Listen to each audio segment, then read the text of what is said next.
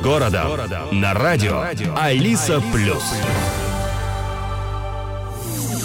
День добрый, уважаемые радиослушатели. Это радио Алиса Плюс. Меня зовут Сергей Каратеев. И ближайшие 30 минут, как всегда, по пятницам в нашем эфире программа «Диалог с городом», где э, представители власти и структур самоуправления приходят в нашу студию, чтобы ответить на вопросы горожан. В первую очередь, поэтому у горожан есть всегда возможность позвонить в эфир по номеру телефона 654 25 300 и задать вопросы нашим гостям. В гостях у нас сегодня представители полиции самоуправления Даугавпилса, начальник отдела административного дела производства Язы Постровский. Здравствуйте. Здрасте. И заместитель начальника отдела, отдела контроля движения и спасения Валентина Пизаны. Вам тоже здравствуйте. Добрый день. Сегодня поговорим о самых частых нарушениях общественного порядка в нашем городе. Начнем э, с одного из самых ярких массовых мероприятий, которое традиционно собирает огромное количество людей. Это праздник города. Как вы можете охарактеризовать его ну, вот непосредственно с точки зрения полиции самоуправления? Праздник города или любое массовое мероприятие, которое организует самоуправление в нашем городе, обязывает полицию самоуправления работать в усиленном режиме, привлекая для этого дополнительно необходимое количество полицейских. Планируются дополнительные патрули как дневной, вечерний и ночной период. Дополнительное внимание, конечно, уделяется проведению мероприятий. Ну и минувший праздник города хотела отметить, больше всего нарушений было констатировано суббота на воскресенье, когда была кульминация праздника, главные концерты, салют. К сожалению, также были констатированы конфликтные ситуации между разными людьми. Было 14 драк, Несколько людей были переданы службе неотложной медицинской помощи. Один ребенок потерял своих родителей. Было проведено много разъяснений по поводу нарушения ограничения курения. Ну, вот тот ребенок, который потерялся, нашел родителей в ну, конечном ну, итоге? Естественно, нашел, да. Ну а по вашим наблюдениям, становятся ли жители и гости города более законопослушными или ну, раз на раз не приходится? Раз на раз не приходится. Принципе, ну, то же самое, как было и, и 5 лет, и, и, и год обратно, и, и сейчас э, есть. Есть большинство, это законопослушные жители города, но есть такие, которым э, правила никто не пишет, у них свои правила. Сегодня мы говорим с представителями полиции самоуправления Даугавпилса. И если у наших радиослушателей появятся вопросы, милости прошу, звоните 654 25 300, номер телефона в студии. А много ли выписывается штрафов э, или работа полиции самоуправления сейчас более направлена ну, на превентивные и профилактические меры работы с жителями? Больше, конечно, работа направлена на профилактические меры. Э, наша первая задача – это не допустить правонарушения, информировать население – и если что-то первый раз попадается, э, что-то от незнания может, тогда предупреждать, информировать. Ну, а кто уже не первый раз попадается, тогда уже идет штраф, наказание. Таким образом, да. А если говорить о э, штате полиции самоуправления, это большой штат сейчас? Э, около 130 полицейских, которые работают на основании закона о полиции, э, обязанности свои э, выполняют. Ну, в принципе. Но вот, вот на такие праздники все-все работники выходят? Или да, как? на такие праздники, как праздник города, выходят все работники работать. Продолжая летнюю тему, сразу затронем вопрос отдыха у воды. В Стропах расположено два городских пляжа, центральный и Стропу Вилнес. Там работают ваши сотрудники, спасатели. Расскажите немного о специфике их работы. Да, с 2019 года у нас появились полицейские спасатели. Э, их 12 человек, работают посменно. На пляже Стропу Вилнес 2 человека и на центральном пляже 4 человека. Конечно, самая главная задача – это а, следить за безопасностью на воде и около нее, также за общественным порядком на пляже. Ну и еще главнее задача – заранее предотвратить несчастные случаи на воде. Ну, а с какими вопросами отдыхающие могут обратиться к спасателям? А, ну, с любыми на например, по общественному порядку, что-то так. А, с, за оказание медицинской помощи, которую вот получили буквально тоже вчера. А, человек получил травму на пляже, резаная рана, где-то а, какой-то осколок бутылки или чего-то. А, обработали перекись водорода, ну что есть бинты, но если что-то более серьезное, конечно, вызывает всегда скорую помощь. А, есть телефонный звонок в наушниках, в наушниках, в колонках будет слышен. Добрый день, здравствуйте, ваш вопрос, пожалуйста. Добрый день. Я хотела задать такой вопрос. Я живу на химии. Вот где Большое Максима? У нас, наверное, две недели назад появился один человек невысокого роста, ну, парень, ну, может быть, до 30 лет.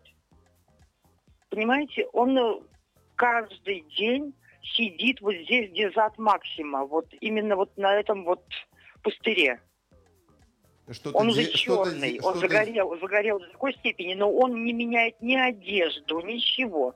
Куда он ходит ночевать, я не знаю, но он спит здесь, э, с, с мусорок берет еду.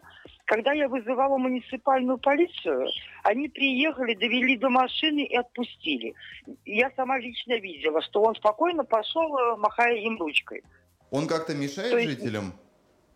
Дело в том, что тут дети ходят, тут люди ходят в магазин. Он просит денег, он просит э, купить э, поесть ему что-то. Спасибо, есть... спасибо за сигнал. Как-то прокомментируете? Ну, может? Судя по вопросу, никаких административных нарушений полиция там не видит. А единственное, что можно сообщить социальной службе, может ему нужна социальная помощь. Вы возьмете это на контроль, этот вопрос? Да, можем сообщить, да. 654-2530, номер телефона прямого эфира. Приглашаю наших радиослушателей звонить. Эм, поговорим о правилах эм, содержания домашних животных. Какие вопросы находятся в зоне ответственности муниципальной полиции? Кто готов ответить?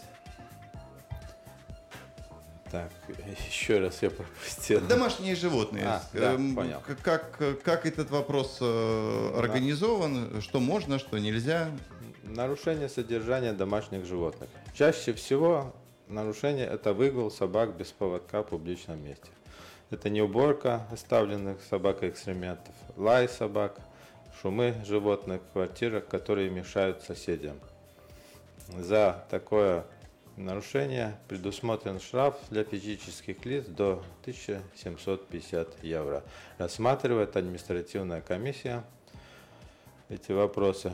Полиция управления начинает процесс, если констатирует нарушение, собирает доказательства, передаются дела на рассмотрение административной комиссии.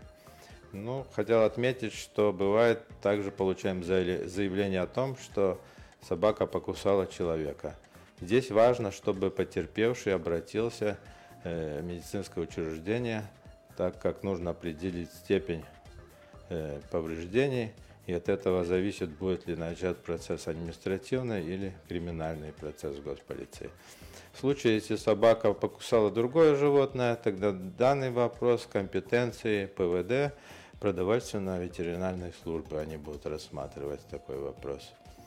Ну, в принципе, вот ну, такие самые распространенные. Скажем, а с собакой нельзя гулять без поводка от слова совсем или на каких-то территориях определенных Со- в нашем городе? Совсем нельзя гулять, за исключением э, огороженная территория. Ага. А если это на, ну, я вечернее, говорю о территории, ночное время? Ну, нет, не говорено на вечернее, ночное. В принципе, нет такого. То есть сразу жестко. И как вы действуете? Вот вы увидели по камерам, значит, гуляет э, человек с собакой, и, и какие ваши действия? Ну, без поводка. Э, ну, каждое действие индивидуальное, в зависимости от поведения э, владельца собаки. Если он сразу устраняет данную ситуацию, согласен с, с тем, что предъявляет полиция, то, в принципе, профилактическая беседа и достаточно. Но если начинается конфликт, ну тогда начинается и процесс, и наказание. Еще один вопрос будет из эфира. Добрый день, здравствуйте, здравствуйте. пожалуйста. Мне, мне вопрос большой по поводу э, это э, э, мне тут один лихач это повреждает ну да, дорогостоящую хрусталь. Э, трясучим мотором едет э, трясется по всем недель или дорогостоящая хрусталь пытает мне ее всю разбить. Она обходится в полтысячи.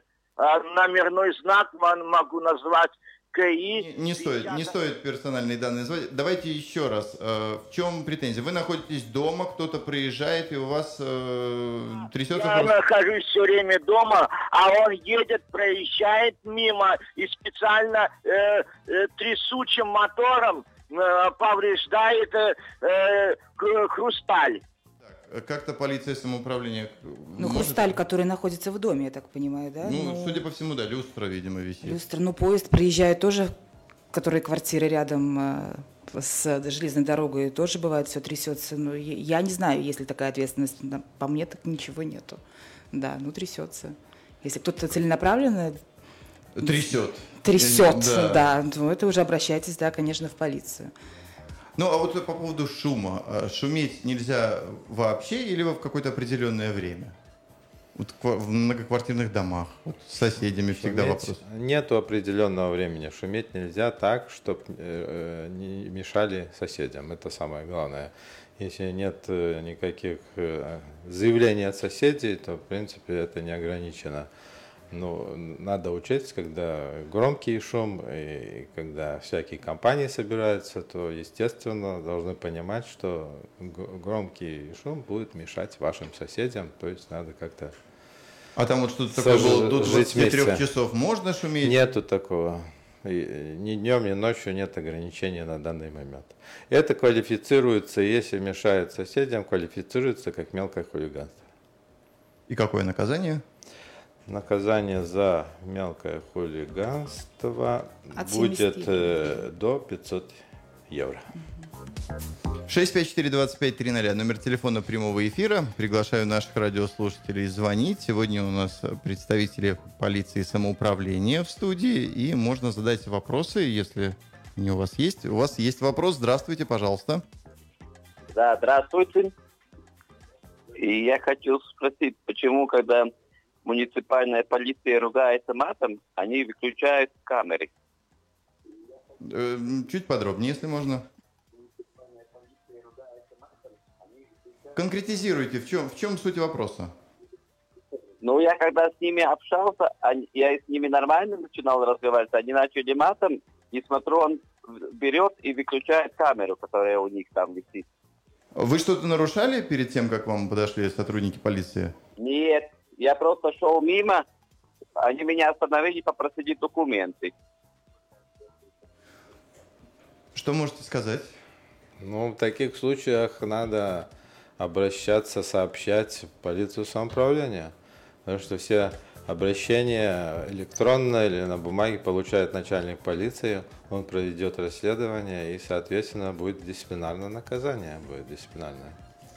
654-2530, номер телефона прямого эфира. О нарушениях правил обхозяйствования отходов давайте поговорим. Что включает в себя этот вопрос? И это касается только стихийных свалок, а также человек может быть наказан как может быть наказан, да, если не убрал за собой после, скажем, пикника в городе, да? Как вы контролируете этот вопрос?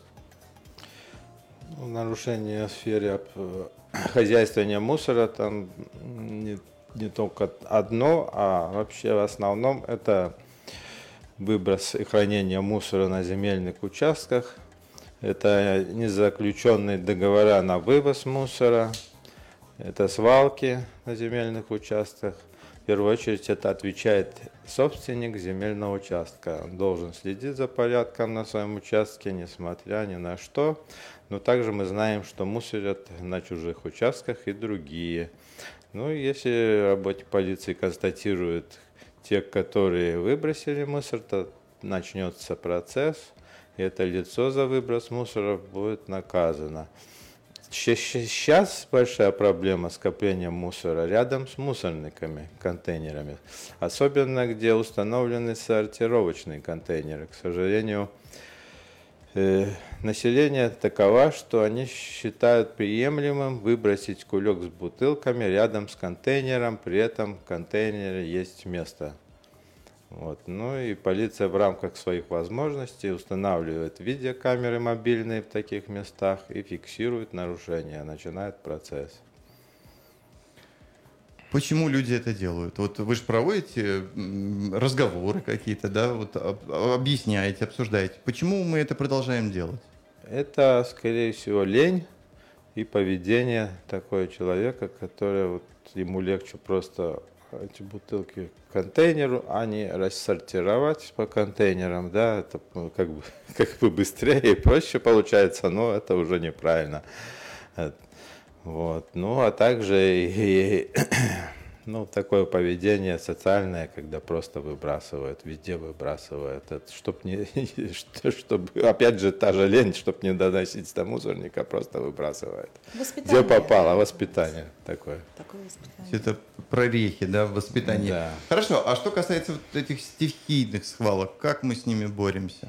Ну, точно так же, как рассказывал. Камерами, да? Э, а также жители информируют регулярно, если кто-то видит, то мы, также обращаемся, просим, конечно, кто, вас, когда это было, во сколько, и с каким госномером машина подъехала, выгрузила. Ну, тогда и процесс есть основания начать.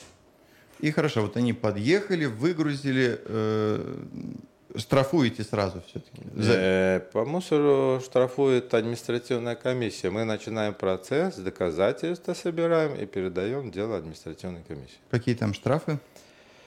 Физическим лицам до 750 евро. Да. Много у нас таких? Ну, достаточно. Хватает, Хватает да.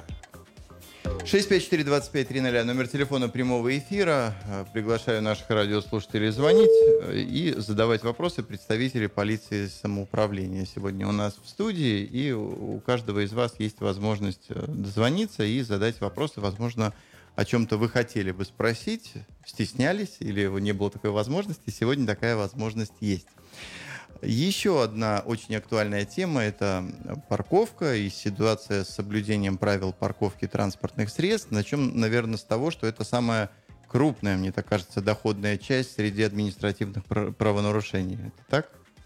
А, да, штрафы за парковку, за нарушение остановки стоянки фиксированные во всей Латвии 30, 40, 55, в зависимости какое нарушение. А, что могу сказать, какие самые распространенные у нас в Даугавпилсе а, нарушения – несоблюдение сплошной линии расстояния. Да? Все знают, что пересекать сплошную линию нельзя, а то, что поставить машину так, чтобы расстояние от машины до сплошной линии было 3 метра, почему-то многие об этом забывают. А, такие места, где чаще всего эти протоколы составляются, это улица Венебас, Парадес, около, около общежития, и улица Имантес, около аптеки Дзедникс, ну и везде, где видите сплошную линию, естественно. Второе такое нарушение – это пешеходный переход. А многие до сих пор думают, что 5 метров до пешеходного перехода нужно соблюдать, э, ну, до пешеходного перехода, и сразу за ним можно ставить машину. А изменения в правилах дорожного движения произошли уже очень давно. 5 метров нужно соблюдать как до пешеходного перехода, так и после. Яркий пример тому вот наш лицей часто получаем жалобы, заявления, особенно когда а, начинается период подготовки дошкольников э, к школе, это школа развития работает, родители привозят, забирают своих детей, ставя машины около пешеходного, на пешеходном переходе, думая, как им быстрее их забрать. А то, что по этому пешеходному переходу идут другие дети, которых водитель может не заметить, ну, это серьезная ситуация. Третье, что у нас есть, это наверное, одно из самых основных это, а, основных – это отсутствие пропусков там, где они нужны. Сами жильцы в своих дворах устанавливают за свои деньги эти знаки, где а, стоянка э, разрешена только по пропускам. Но почему-то очень часто, да каждый день есть такие протоколы, когда сам жилец э, этого дома не выкладывает этот пропуск. Многие считают, раз я здесь живу, машина здесь стоит, пропуск мне выдан, значит, каким-то образом инспектор должен знать, что машина стоит, не нарушает. Получает вызов, инспектор приезжает, фиксирует, что знаки, машина стоит без пропуска. Соответственно, штраф. 30-40 евро, это в зависимости, какие знаки стоят. А, и немаловажный момент, пропуск должен лежать в хорошо видном месте на передней панели около лобового стекла, чтобы у инспектора полиции не возникло сомнений, что данный пропуск вообще выдан. Он должен быть хорошо виден, и номер, и все. Еще одно нарушение – инвалидная парковка. А, многие также не знают, э, что стоять на этих местах могут те машины, которые обозначены специальной картой использования инвалидных стоянок. Эта карта дается не всем людям с инвалидностью.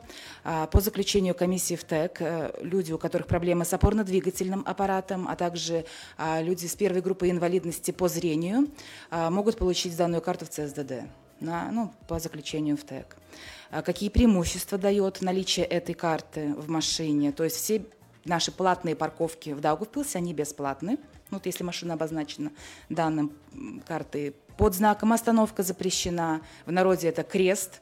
А можно высадить пассажира с данной карты, как бы также посадить его, можно остановиться. Да? И плюс лет пять уже тоже вступили в силу изменения в правилах дорожного движения. Наличие данной карты – которой обозначено будет э, транспортное средство, можно парковать машину э, в зоне действия знака «Зона стоянки запрещена». В основном все дворы многоквартирных домов э, в Даугавпилсе ну, вот, обозначены этими знаками «Зона стоянки запрещена», «Изнимут аратлеуя номер такой-то». Нет у тебя этой атлеуя, но у тебя вот есть вот эта вот карта инвалидная, ты можешь поставить эту машину в зоне действия этого знака. И еще одно такое тоже актуальное нарушение – это ставить машины на парковку, не указывая время, э, когда машину ты припарковал, ну, там, где это требуется. Одно из таких мест – это стоянка около Сола на Цветокшня улице. На въезде на эту стоянку стоит знак «П» стоянка – 537 и Орлайка Нороды, два часа. То есть приехал водитель, поставил машину. Если нет этого циферблата, который можно везде купить на любой заправке, а, на любом чеке, на бумаге, четко написал и внятно время, когда он поставил машину. Также положил его на переднюю панель в хорошо видное место. Вышел из машины, закрыл дверь, посмотрел, что Время Видно, это лежит, да. не упало, как у всех оно, куда-то упало, ветром сдуло. Спокойно иди два часа отдыхай. Отдыхай. Да. Мы, давайте еще поговорим о транспорте. Ну, примем телефонный звонок и после него продолжим. Здравствуйте, пожалуйста, ваш вопрос. Добрый день. Такой вопрос. А, если соседи шумят, куда лучше обращаться? В государственную полицию или в полицию самоуправления? По желанию тому, кто хочет обращаться, можно и полиция управления, и госполицию. Это квалифицируется как мелкое хулиганство и компетенция рассмотрения любой полиции. Наказание где жестче? Э, одинаковое. Одинаковое, я говорил, до 500 евро. Еще один вопрос будет из эфира. Добрый день, здравствуйте, пожалуйста. Алло. Добрый день. Э, я не знаю, куда обратиться, но я думаю, что по адресу. Я просто на химии делаю пробежку по велосипедной трассе.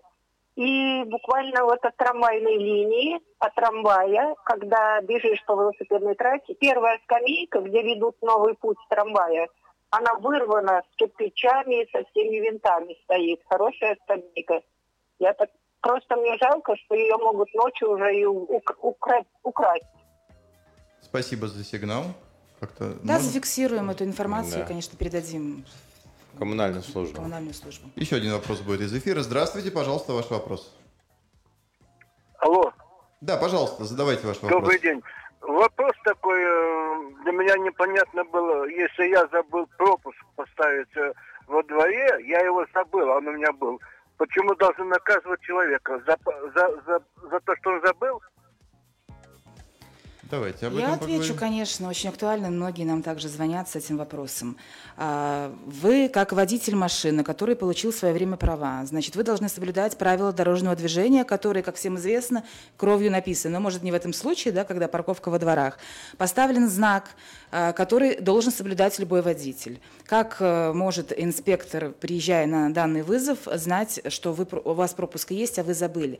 Так как это решение составляется не на человека, это решение составляется опирается на транспортное средство. Поэтому вы, как водитель, вы должны соблюдать э, э, требования данного знака. И решение составлено не за то, что вы забыли положить, а за то, что машина нарушает правила дорожного движения. Это обязательно по вызову, да? То есть не вы... обязательно, но чаще всего, да, мы работаем по вызову. Во дворы, да. 654-2530, номер телефона прямого эфира. Давайте еще поговорим о парковке транспортных средств на зеленой зоне. Ну, это всегда было актуально и будет. Да, парковка, как только сходит снежок, всем... Я понимаю, что в городе, наверное, мало доступных мест э, для парковки, машин все больше и больше, но это нарушение обязующих правил Даугавпилской думы номер 6, пункт 3.8, что нельзя ставить машину на зеленую зону. Что да. является зеленой зоной? Это пашвал и круми, коки, да, ну, э, кроме вот леса. Все, все насаждение. Даже если там когда-то росла трава, да, и за машин эта территория уже деградирована, но это не стоянка, это не оборудованная стоянка. То есть ну, это очевидно, что там был газон, но он не может расти, потому что постоянно там ставят машины, это будет зеленая зона. А это решение о наказании выносит административная комиссия. Ну, Мы хорошо. собираем материал, да, и отсылаем. Если в моем дворе есть такой участок, и все соседи договорились между собой, что они могут этих э, полметра захватывать, да, полиция самоуправления сама приедет, накажет, или все-таки кто-то из жителей вы дома? Дол- э, да, жильцы не просто между собой договорились, вы должны это все узаконить. Как в любом частном доме, ты не можешь построить никакую ни беседку, ничего, не согласовав данные действия с соответствующими организациями, с Буволдой и так далее. 654-2530, номер телефона в студии. Сегодня представители полиции и самоуправления у нас в гостях, и вы можете задавать им вопросы, э, дозвонившись по телефону. Здравствуйте, пожалуйста, ваш вопрос. Добрый день. Добрый. Зовут меня Анатолий. Жаловаться я не буду. Если бы не было полиции, у нас вообще был бы беспредел. Слава богу, что они наводят порядок, а то некоторые дамы ездят на джипах и подъезжают чуть ли не на крыльцо. И какой пример они показывают своим детям. Все идет оттуда. А то, что штрафуют, это все правильно. Другого пути нет. Некоторые штрафуют по 10 раз, он все равно ставит. Значит, у него есть деньги. Ну и слава богу. Так что спасибо, что у нас в стропах всегда окажут помощь, я там гуляю с внучками. Поэтому эти люди обучены и знают языки. Не надо ссылаться, что они не знают языка. Все мы знаем прекрасные языки. И русский, и польский, и латышский и так далее. Спасибо. Спасибо за ваш комментарий. Полдес. 654-2530, номер телефона в студии. Давайте еще автомобильную тему. Машины заброшки, так их называют, оставленные на долгий срок. Как идет борьба с этой... Во-первых, есть ли эта проблема? Как идет борьба с этой проблемой? Сроки и процедуры? Как Конечно, есть. Вот э, для статистики с 1 января этого года до, на сегодняшний день у нас уже наклеено 119 наклеек с предупреждением, что если машина не будет убрана в положенный срок, то она будет эвакуирована на специальную стоянку. 8 машин за этот период уже эвакуированы. Значит, есть две категории машин с техосмотром, без техосмотра. Получаем вызов или заявление, приезжаем, смотрим машина без техосмотра, составляется наклейка предупреждения, прикрепляется к лобовому стеклу, дается срок не менее 15 суток, чтобы владелец а, мог эту машину убрать. С техосмотром срок дается не менее 45 дней. Да, но есть тоже такой важный момент, что люди считают, э, машина без техосмотра, он ее передвинул через 15 дней на 10 метров вперед, значит, она уже участвовала в дорожном движении.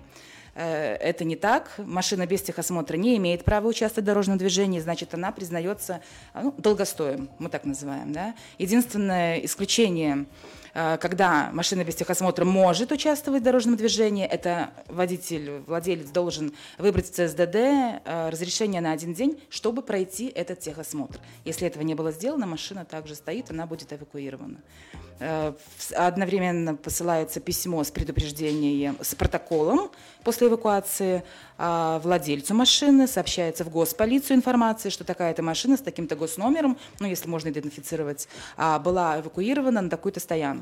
На случай того, что если владелец выйдет, машины нету, как угнали. Ну да, да, да. да. Ну а дальше его выбор. Он может в течение месяца, по-моему, забрать эту машину со стоянки. Ну уже Финансовые все вопросы решаются с руководителем данной стоянки. Если машина не забирается, такие случаи были, а, то машина утилизируется.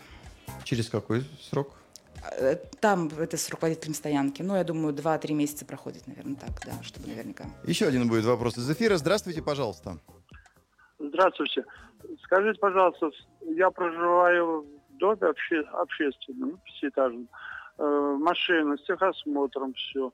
Сколько я могу, есть какой-то закон, стоять без выезда в общественном дворе летом, зимой. Есть какой-то закон? Спасибо.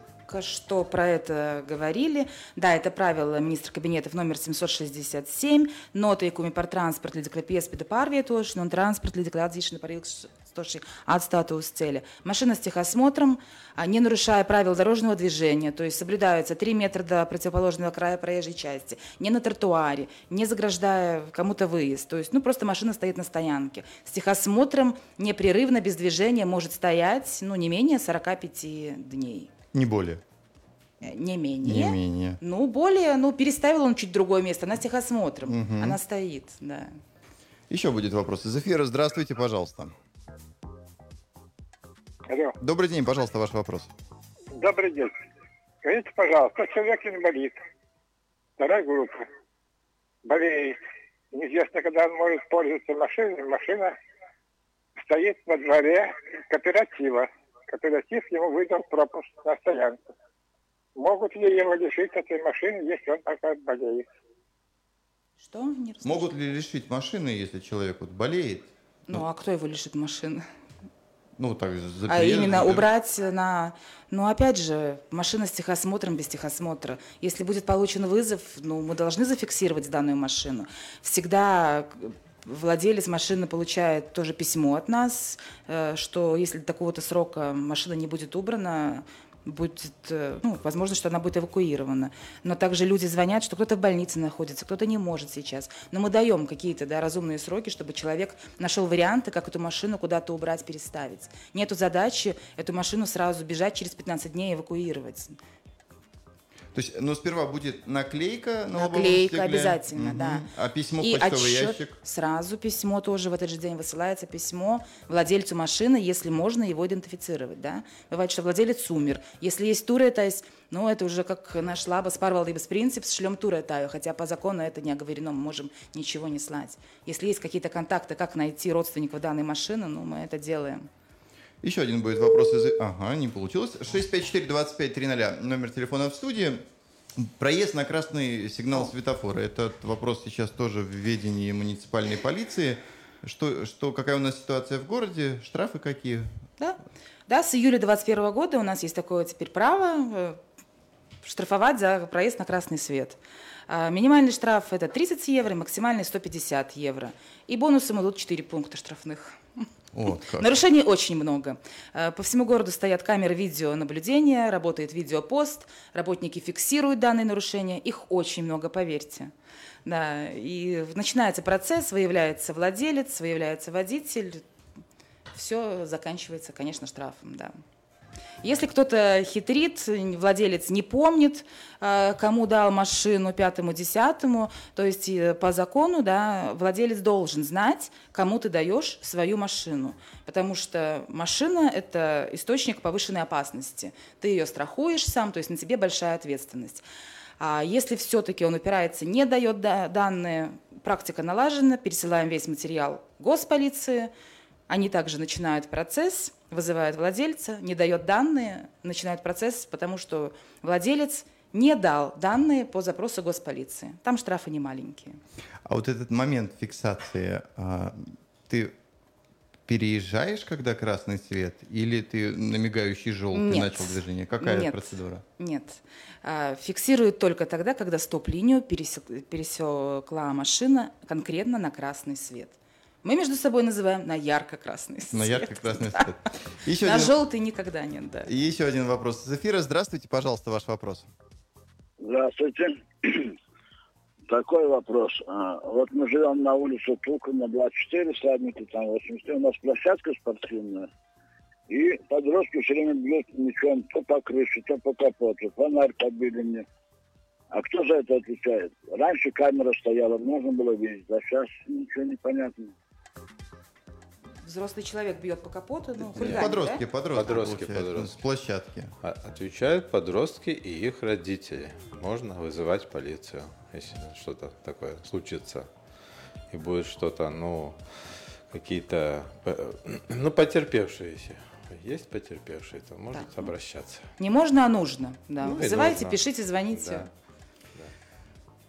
Давайте уделим внимание сети городских камер видеонаблюдения. Насколько это технологическое решение позволяет оперативно предотвращать и задерживать правонарушителей? И как сегодня выглядит эта система и как планируется ее расширять? ну, как уже сказано, везде, да, есть переносные у нас мобильные камеры, да, по поводу мусора очень открываются вот эти все нарушения. Также и в транспорте, и вот этот красный свет, и бывает и остановка-стоянка запрещена, и всякие массовые драки, не драки, ну, и, и госполиция к нам приходит каждый день на пост видеонаблюдения э, отсмотреть какие-то материалы. То есть видеонаблюдение, естественно, очень помогает, с этим никто не спорит, да. Как-то развивается эта система, да, постоянно? Понемножку развивается. Ну, на данный момент э, более 100 видеокамер в городе. Э, конечно, есть желание интеллектный, интеллектном уровне что-то поменять. Э, данная часть камер определяет автоматически госномер автомашин. Ну, когда поиск идет, когда в розыске какие машины надо найти. Ну, также есть другие возможности, но это требует, конечно, финансирования и требует финансирования самоуправления. Вот. Когда открывается новый объект, и всегда оценивается, э, нужно ли там видеонаблюдение. Если нужно, тогда планируется. Еще один будет вопрос из эфира. Здравствуйте, пожалуйста. Здравствуйте. Э, у меня такой вопросик. Я живу, проживаю по Вицемас улице, да, Форштадт. Э, у нас конфликт с соседями. Э, соседи новые, я много лет уже живу. Э, они установили камеры. И камеру поставили на мой двор. Просто э, у меня собаки, и они, э, ну, ко мне как бы не могут э, ни с чем, э, так скажем, прямыми словами привязаться. И они типа собаки э, гавкают, да. У нас в каждом дворе по две собаки, не привязанные, гавкают. Э, просто когда сама полиция приехала, показали мне камеру, э, ну, это просто ужас. Весь мой двор, полностью мои окна, да, э, все просто. Почему на мой двор установлено на мой двор? На мою личную э, территорию, не на, не на их, а ко мне. И она крутится, вот она вертится, стоит окно у них на втором этаже, э, ну, мы рядом, тут вот три метра у, у них дом от меня. И они про, полностью просвечивают мой двор, все, за мной наблюдают. Как такое может быть? Ну, Спасибо по- за вопрос. Понятно. А вопрос не в компетенции полиции самоуправления и вообще полиции. Э, по видеонаблюдению в данных случаях, э, если записи там ведутся, еще что-то делается, обработка какая-то, то нужно вам проконсультироваться дату инспекция. Дату инспекция – Э, они как раз контролируют данную ситуацию. Э, так, для общего, скажем, вопроса, то не запрещено у нас в республике фотографировать, снимать на видео. Ну, зато запрещено эти данные как-то публиковать, а, распространять, обрабатывать, собирать. Поэтому надзор ведет дату инспекция. Проконсультируйте. С 1 апреля полиция самоуправления, полиция самоуправления передали функции рыбнадзора. Давайте поговорим о правилах, которые нужно соблюдать рыбакам, чтобы ну, не попасть в число правонарушителей. Да, с 1 апреля у нас есть такая функция, опять же, в нашем отделе. Но самое главное, это цель – это сохранение рыбных ресурсов в водоемах Даугавпилса, но, естественно, контроль за правилами Кабинета министров номер 800. Правила о рыбалке, о подводной рыбалке и вот, да, ловле раков. Любой рыбак должен, я думаю, эти правила знать и прочитать. А, что немаловажно, как проверяется тоже большое число рыбаков – в основном как бы все в порядке, плюс-минус, но у многих нету карты рыболова, которую можно купить как в любом супермаркете, на заправке, также электронно на сайте Манацопа ЛВ. Да, многие хитрят, показывают незаполненную карту рыбака, но это то же самое, что ее нету.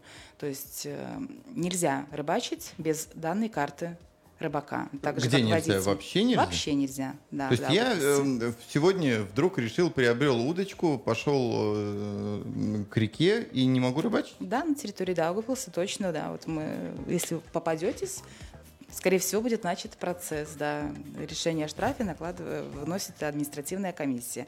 Карта рыбака э, не нужна лицам до 16 лет, после 65 также ну, людям с инвалидностью. При себе всегда должен быть э, удостоверяющий личность документ. Удочка и документ. Удочка и документ, да. Еще что хочу сказать. Вот с 1 апреля ребята начали работать активно по рыбе. Найдено у нас на сегодняшний момент уже 40 сеток и мережей. Если вчера общая длина найденных сеток и мережей была 827 метров, сегодня уже плюсом добавилось где-то 860 метров. Представляете себе, да, близимся к километру.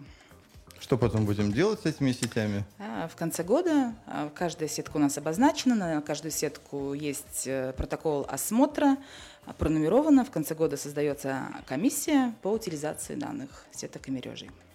В завершении программы давайте еще про мангалы поговорим. Кто-то говорит, что во дворе можно жарить шашлык, кто-то говорит, что и на балконе что-то можно, а у меня электрошашлычница. Какая процедура? что разрешено в нашем городе, потому что сейчас этого много будет. Ну, вопрос такой. Самое главное соблюсти правила огня. Угол дрожь баснотайку соблюсти. Это может больше может пожарники проконсультировать.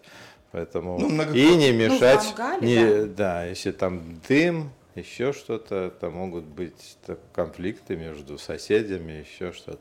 На частном секторе, конечно, там все можно. И, и в специально отведенных местах у нас есть в городе на берегу Давковы много таких мест. Пожалуйста, пользуйтесь. А, а во дворах э, там дети бегают и, и другие, и ну, то есть могут создаться какие-то нехорошие ситуации. Не запрещено, ну, также имейте в виду пожаробезопасность прежде всего. Ну и ну, как бы со, совместно с соседями как бы дружить, а не спорить. Все, на этом все. Время, отведенное для нашего сегодняшнего эфира, истекло. Возможно, что-то осталось недосказанным, что вы хотели бы донести до, до жителей города? Есть какая-то такая важная Я информация? хотела про наших спасателей также еще отметить, Пожалуйста. да, если можно, что этот, э, это полугодие выдалось не таким простым. Надеемся, дальше год закончим спокойно, что в межсезонье вот наши спасатели а, регулярно вот оказывали вот необходимую помощь при наводнении в Екопилсе. Э, ездили туда, эвакуировали жильцов, патрулировали затопленные территории от мародеров, участвовали также в поисках пропавшей девочки в Илуксте, которую ну, нашли погибшие. А, также укрепляли и нашу дамбу в Даугавпилсе при наводнении.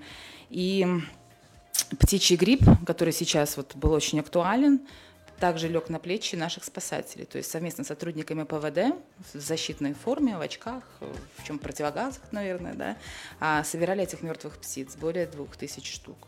Так что не только мы да, работаем на воде и около нее, и оказываем необходимую медицинскую помощь, и обеспечиваем общественный порядок, но вот такие глобальные вещи тоже. Добровольцы, можно так сказать. Что-то желаете добавить, Язов? В принципе, пожелать всего хорошего жителям да. города. Э, представители полиции самоуправления Даугавпилса, начальник отдела административного дела производства Яза Постровский был сегодня у нас в студии и заместитель начальника отдела контроля движения и спасения Валентина Пизана. Благодарю вас за эфир. Программу «Диалог с городом» на волнах радио Алиса Плюс провел Сергей Каратеев. Спасибо и до свидания. До свидания. До свидания. Диалог, с городом на радио Алиса Плюс.